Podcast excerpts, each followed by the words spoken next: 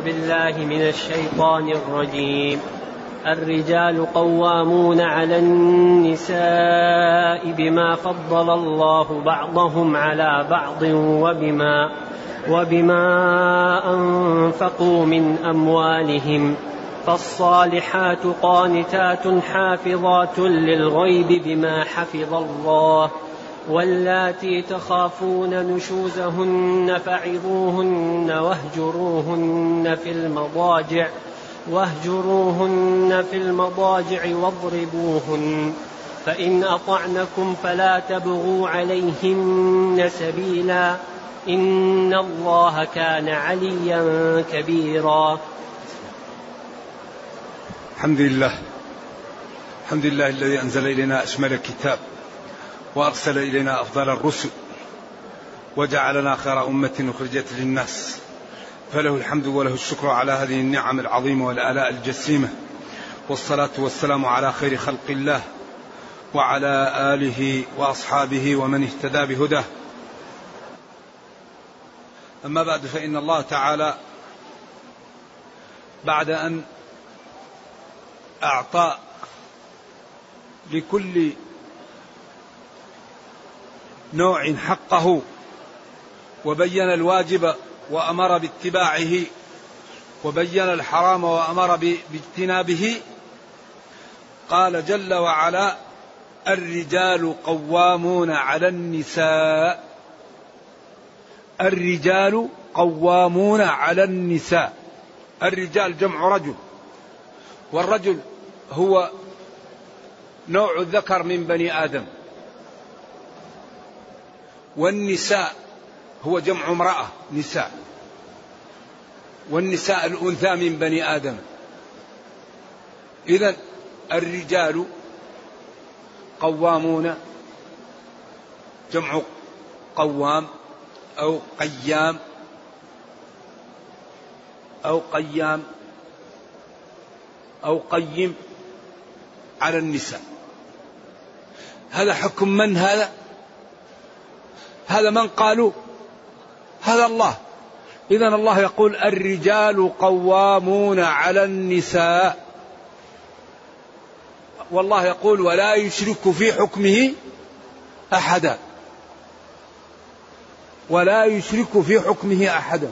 وقال إن الحكم إلا لله. وقال وأن أحكم بينهم بما أنزل الله. وقال الرجال قوامون على النساء. طيب ما رأيكم؟ هذا كلام الله. وبعدين استمع. قوامنا على النساء لماذا؟ بما فضل الله بعضهم على بعض. بما فضل الله من؟ الرجال على النساء. عد. الرجل لا يحيض. الرجل لا ينفس. الرجل شهادته كاملة. الرجل لا تحرم عليه الصلاة الرجل لا يحرم عليه الصوم الرجل يجوز أن يسافر لحاله الرجل بيده الطلاق الرجل بيده النكاح الرجل ينسب له الولد الرجل عليه النفقة الرجل عليه الجهاد الرجل عليه المهر. إذا الرجل تنبت له لحية المرأة ما عندها لحية. الرجل خشونة جمال. الخشونة في الرجل جمال. والأنوثة والنعومة في المرأة جمال. إذا كيف هذا؟ المرأة لو جاءت مئة امرأة لرجل يريدون حاجة وهو لا يريد ما يأخذون حاجتهم منه. ولو يجي رجل ضعيف للمرأة يأخذ حاجته منها ولو هي كاره. أما أما النساء فلا يأخذن حاجتهن من الرجال إلا إذا كان الرجل إيش؟ يرضى. إذا كان ما يرضى المرأة ما يمكن تأخذ حاجتها من الرجل. أما المرأة تكون كاره ويأخذ الرجل حاجته منها. إذا الرجال قوامون على النساء. وبعدين المغالطات ما غير حقيقة.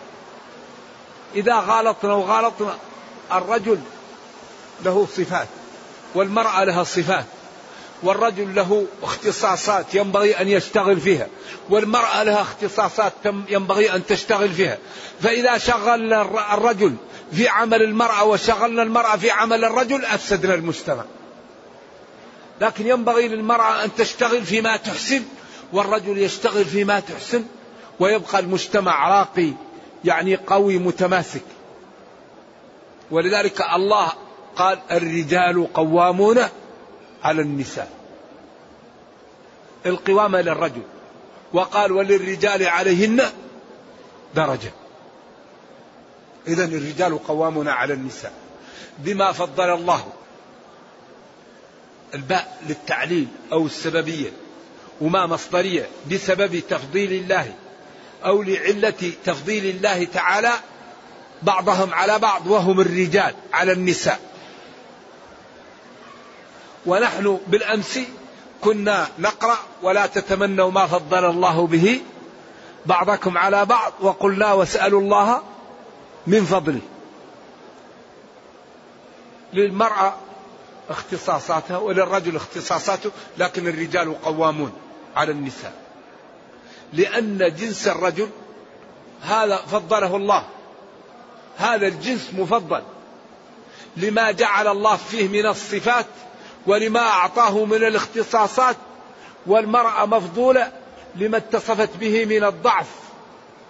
ولذلك نبينا في الحديث الصحيح قال ما رأيت من ناقصات عقل ودين أذهب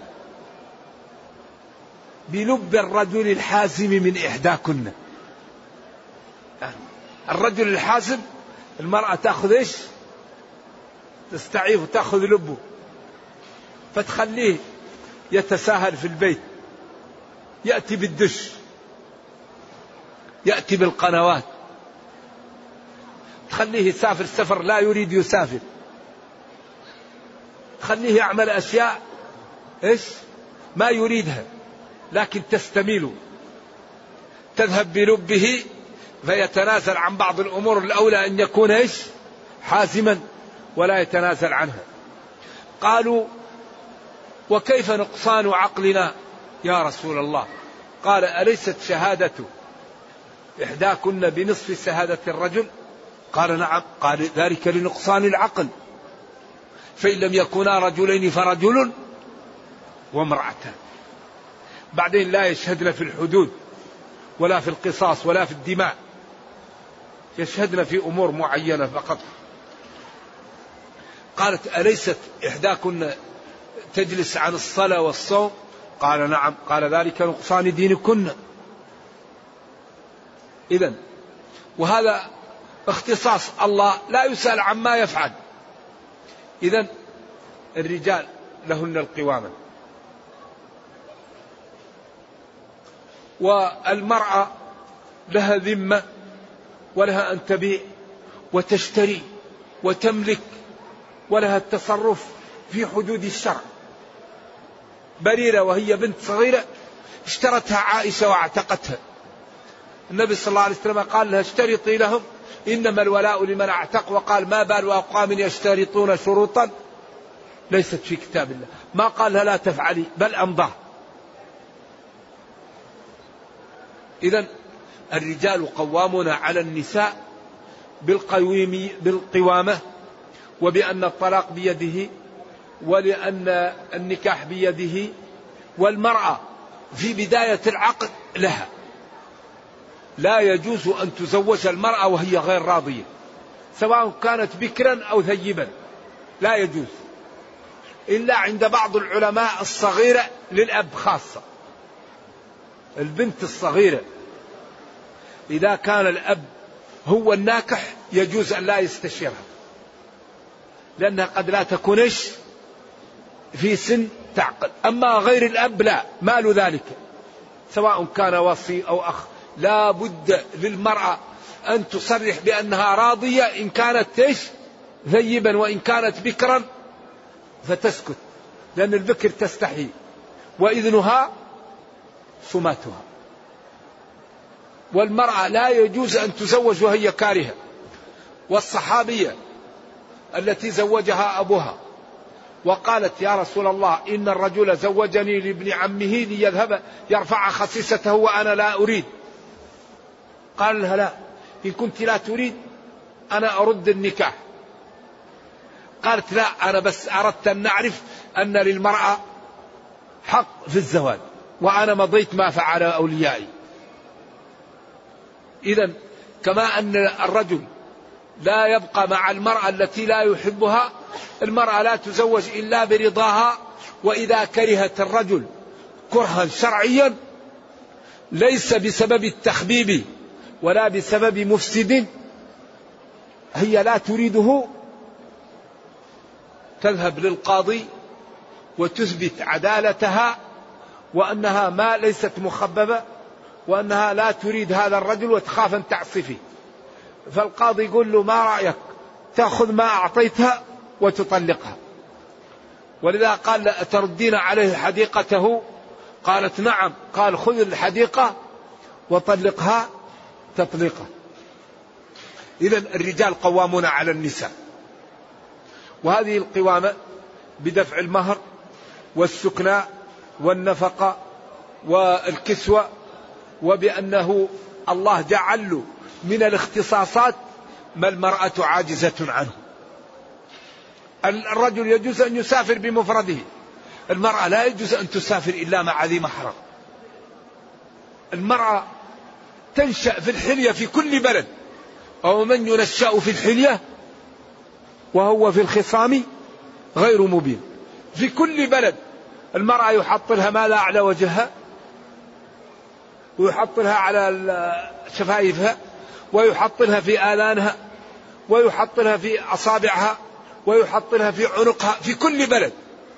طيب ليش ما نسوي بين المرأة والرجل؟ لازم نحط للرجل. ليش نحط للمرأة فقط؟ إذا المرأة لها اختصاصات والرجل له اختصاصات. فينبغي أن نشغل المرأة فيما تحسن ونشغل الرجل فيما يحسن ونخلي المجتمع ينتج. أما إذا قلنا للمرأة لا أنت مضطهدة ولا تجلسي في البيت. يلا طلعي من البيت. طيب كيف من يكون للبيت؟ طيب إذا كان فيه المرأة على حالة مخاض هل يمكن تذهب من البيت؟ إذا كانت المرأة في الشهر التاسع ما لا تقدر تعمل. إذا كانت المرأة ترضع نفساء أو نخرج المرأة والرجل وبلاش إنتاج المجتمع ينتهي. لأن ما يمكن ننتج الأنفس إلا عن طريق من؟ إلا عن طريق النساء. لأنه هو مصنع الذي ينتج الأنفس. فإذا قلنا للمرأة لا تجلسي في البيت وطلعي طبعا يتعطل الإنتاج. لأن المرأة إذا كانت طيارة أو كانت في المصنع أو كانت في المعمل أو كانت عسكرية ما يمكن تنجب وهي تعمل الأعمال الشاقة. لذلك هي لأنها تنجب الله قال لها ما عليك أجلسي في البيت وأنجبي لنا. أنت تنجبي للأمة العقول تنجبي الرجال تنجبي المجتمع. إذا لا يجب عليك نفقة ولا كسوة ولا مهر ولا جماعة ولا جمعة ولا جهاد. بس أجلسي كل سنة أتينا بواحد أو واحدة. خلاص كثري المجتمع. الودود الولود. كل سنة جيبي زيدي المجتمع هذا أحسن شيء.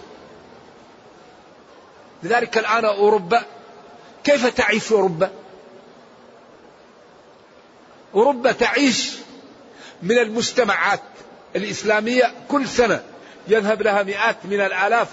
ولولا الله ثم امتداد أوروبا بالهجرة من بلاد المسلمين لانقرض الأوروبيون.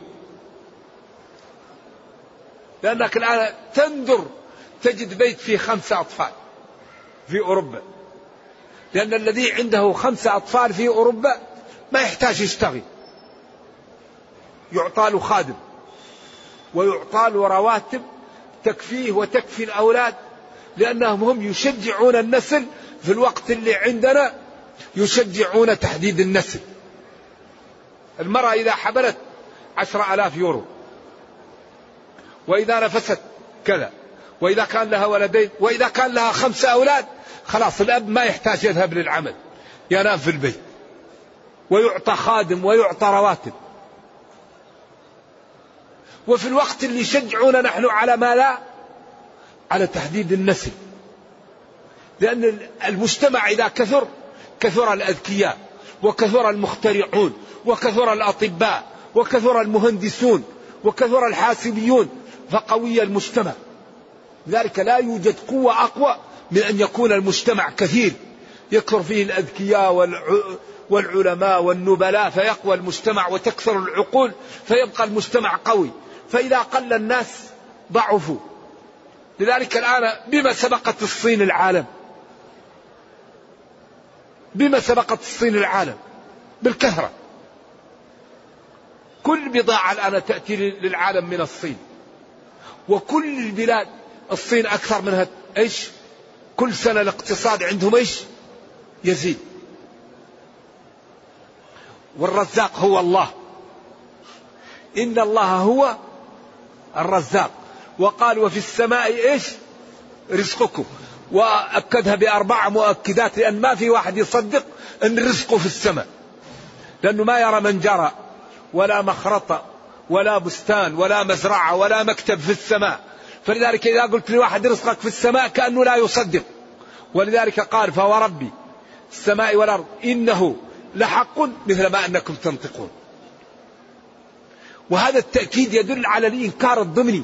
الناس لا تصدق أن رزقها في السماء. إذا الرجال قوامون على النساء. لهم القوامة. وذلك لأن الله تعالى فضل الرجال على النساء بإنفاقهم. بما أنفقوا من أموالهم. ولأن الرجل هو الذي يدفع الصداق هو الذي يدفع الكسوة هو الذي يدفع الأجرة هو الذي دائما مسكين يبذل والمرأة ما عليها إلا تبقى حاضرة بس جالسة. تجلس في البيت لا تخرج إلا بالإذن. وبعدين قسم النساء إلى نوعين. إذا قال أن الرجال قوامون وبعدين قال أول أن, أن, أن نعطوهم نحلة وقال فإن خفنا أن لا نعدل فواحدة أو نقتصر على ما ملكت أيماننا وقال وعاشروهن بالمعروف. هذه عاشروهن بالمعروف ما رأيت أجمل منها. يعني المرأة لازم تتغاضى عنها عاشرها بالمعروف.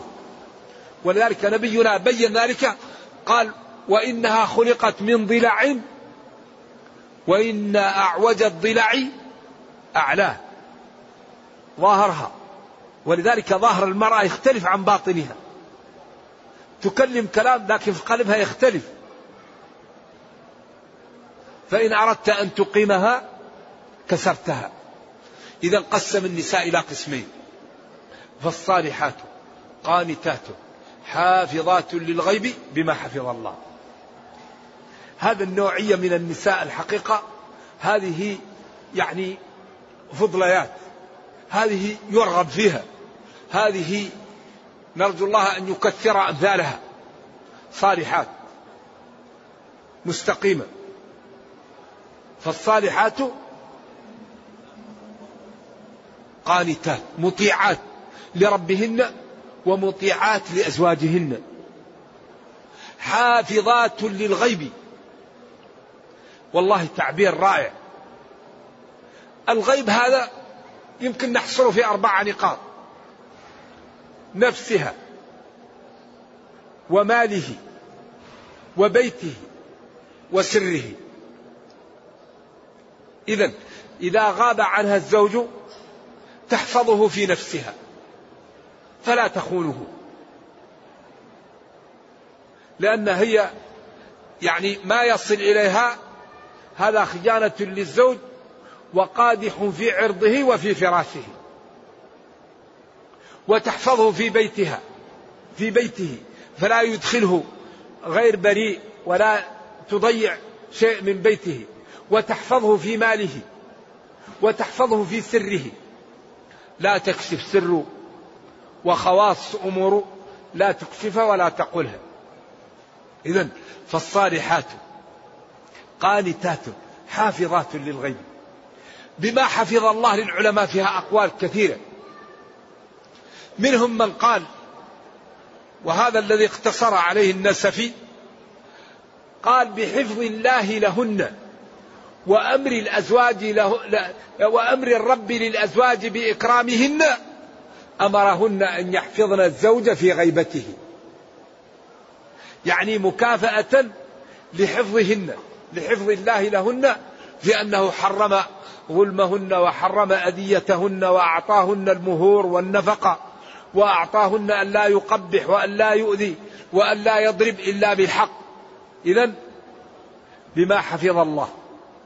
أي بما حفظهم الله به.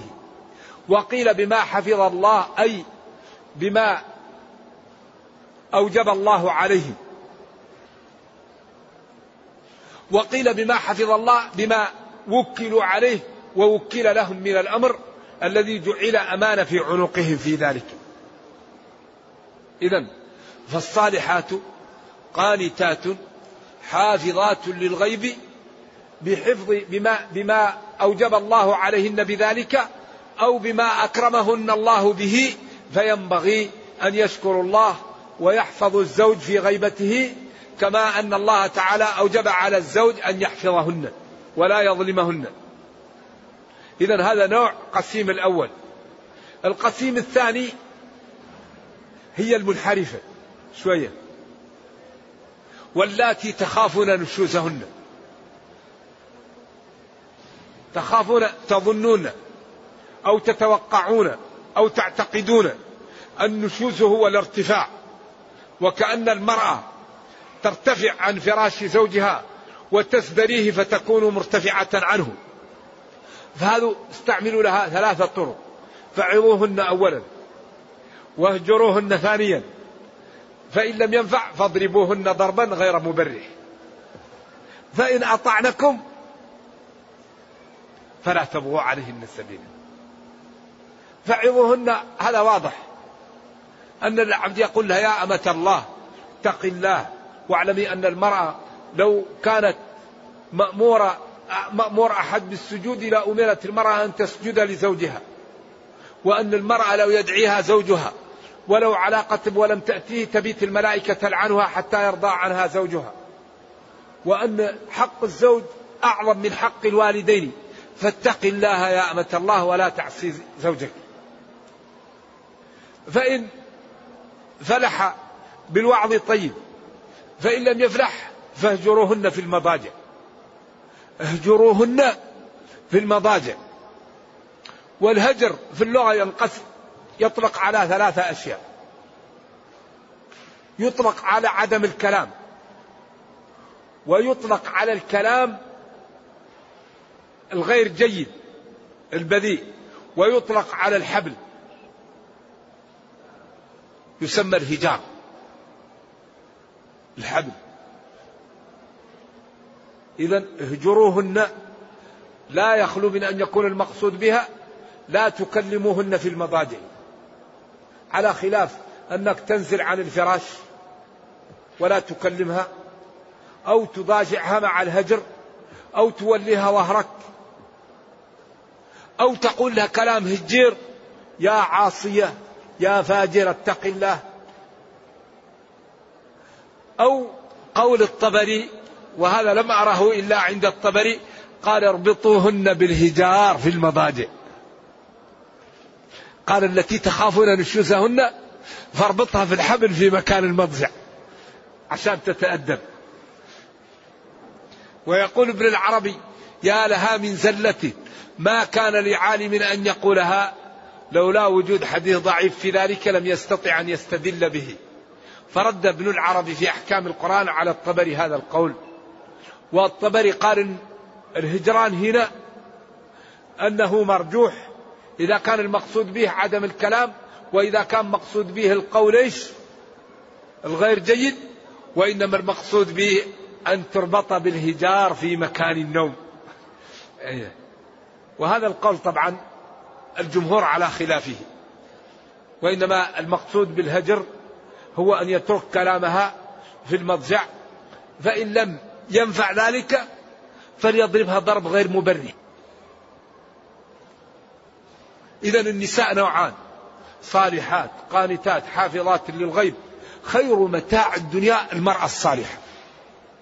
إن نظرت إليها سرتك وإن أمرتها أطاعتك وإن غبت عنها حفظتك في نفسها وفي مالك ولذلك قال بعض العلماء ربنا آتنا في الدنيا حسنة وفي الآخرة حسنة هي الزوجة الصالحة. ما فيه مثل الزوجة الصالحة. ولذلك من أسباب صلاح الزوجة أن يكون الزوج صالحا. ولذلك الله قال: والطيبات للطيبين، الطيبات للطيبين. إذا عف الرجل تعف نساؤه. وإذا بر تبر رعيته. يعني ولذلك من أسباب العفة من حول الإنسان إذا كان هو عفيفا. بإذن الله تعالى إذا عف الرجل واستقام كل من حوله من من أسرته ومن أقاربه يستقيم. لأن القدوة الحسنة يعني هذه مفيدة. ولذلك لا يوجد مثل الصحبة الصالحة. وإن كان من أضله الله فلا هادي له. نرجو الله السلام والعافية. فإن أطعنكم واستقمنا على ما طلبتم منهم فلا تطلبوا لهن سبيلا لظلمهن. والحقيقة أن هذه الآية مليئة بالأحكام وبالفوائد وبالأمور التي تأملها المسلمون لارتفعوا ولا أصبحت عندهم عقد من النساء. بعض المسلمين المرأة المرأة المرأة ما أكرمها مثل الإسلام. المرأة الآن لو تذهبوا إلى الغرب تجدون ما لا تعاني المرأة. ما رأيت بلدا تهان فيه النساء مثل الغرب. تضرب وتذل وتطرد من البيت. إذا وصلت 18 سنة أبوها يقول لها يلا طلعي من البيت وادفعي. أجاركم الله. والزوجة والزوج يذهبان إلى المطعم والزوجة تحاسب عن نفسها والزوج يحاسب عن نفسه فإذا حاسب الزوج عن الزوجة تنظر إليها أنه احتقرها. إذا ما الذي بينهم؟ الله يقول وبما أنفقوا من أموالهم إذا ما في قيومية. إذا البيوت فاسدة عندهم لأن منزوع القيومية من الرجل. فلذلك كل شيء في الغرب على ما يرام إلا البيت. المكتب ممتاز والقطار ممتاز والطائرة ممتازة والحدائق ممتازة والمصانع ممتازة لكن البيوت خراب. البيوت خراب لماذا؟ لأن الإدارة فاسدة ما في ما في مدير ولا يمكن عمل يستقيم إلا بمدير والإسلام قال الرجال قوامون على النساء. هم يقولوا هذا فيه احتقار للمرأة والمرأة غير قيومية فأصبح البيت فاسد. ولذلك يعني عقلاءهم يقول نحن كل شيء عندنا متقن إلا البيوت لأن ما فيه إدارة في البيت عندنا. ولا يمكن شيء يقوم بدون مدير والبيت ما فيه مدير فهو فوضى. ولذلك نحن الله قال قوامون وللرجال عليهن درجة. فلذلك الحق حري بنا أن نظهر للعالم جمال هذا الدين في حياتنا. وحري بنا أن نهتم بقنوات جادة نبث فيها هذا الدين ونوضح معالمه وننقذ الكرة الأرضية وكثير من سكانها أن يموتوا على الكفر. لأن الذي يموت على الكفر لا طمع له في الجنة. فذلك حري بالأمة المسلمة أن تنتشل العالم من الكفر وأن تدعوه إلى هذا الكتاب لينقذ العالم من الضلال ومن الموت على الكفر. نرجو الله جل وعلا أن يرينا الحق حقا ويرزقنا اتباعه وأن يرينا الباطل باطلا ويرزقنا اجتنابه وأن لا يجعل الأمر ملتبسا علينا فنضل. اللهم ربنا أتنا في الدنيا حسنة وفي الآخرة حسنة وقنا عذاب النار. اللهم إنا نسألك من خير ما سألك منه محمد صلى الله عليه وسلم وعبادك الصالحون ونعوذ بك من شر ما استعاذك منه محمد صلى الله عليه وسلم وعبادك الصالحون. اللهم اختم بالسعادة آجالنا واقرم بالعافية غدونا وآصالنا واجعل إلى جنتك مصيرنا. سبحان ربك رب العزة عما يصفون وسلام على المرسلين والحمد لله رب العالمين.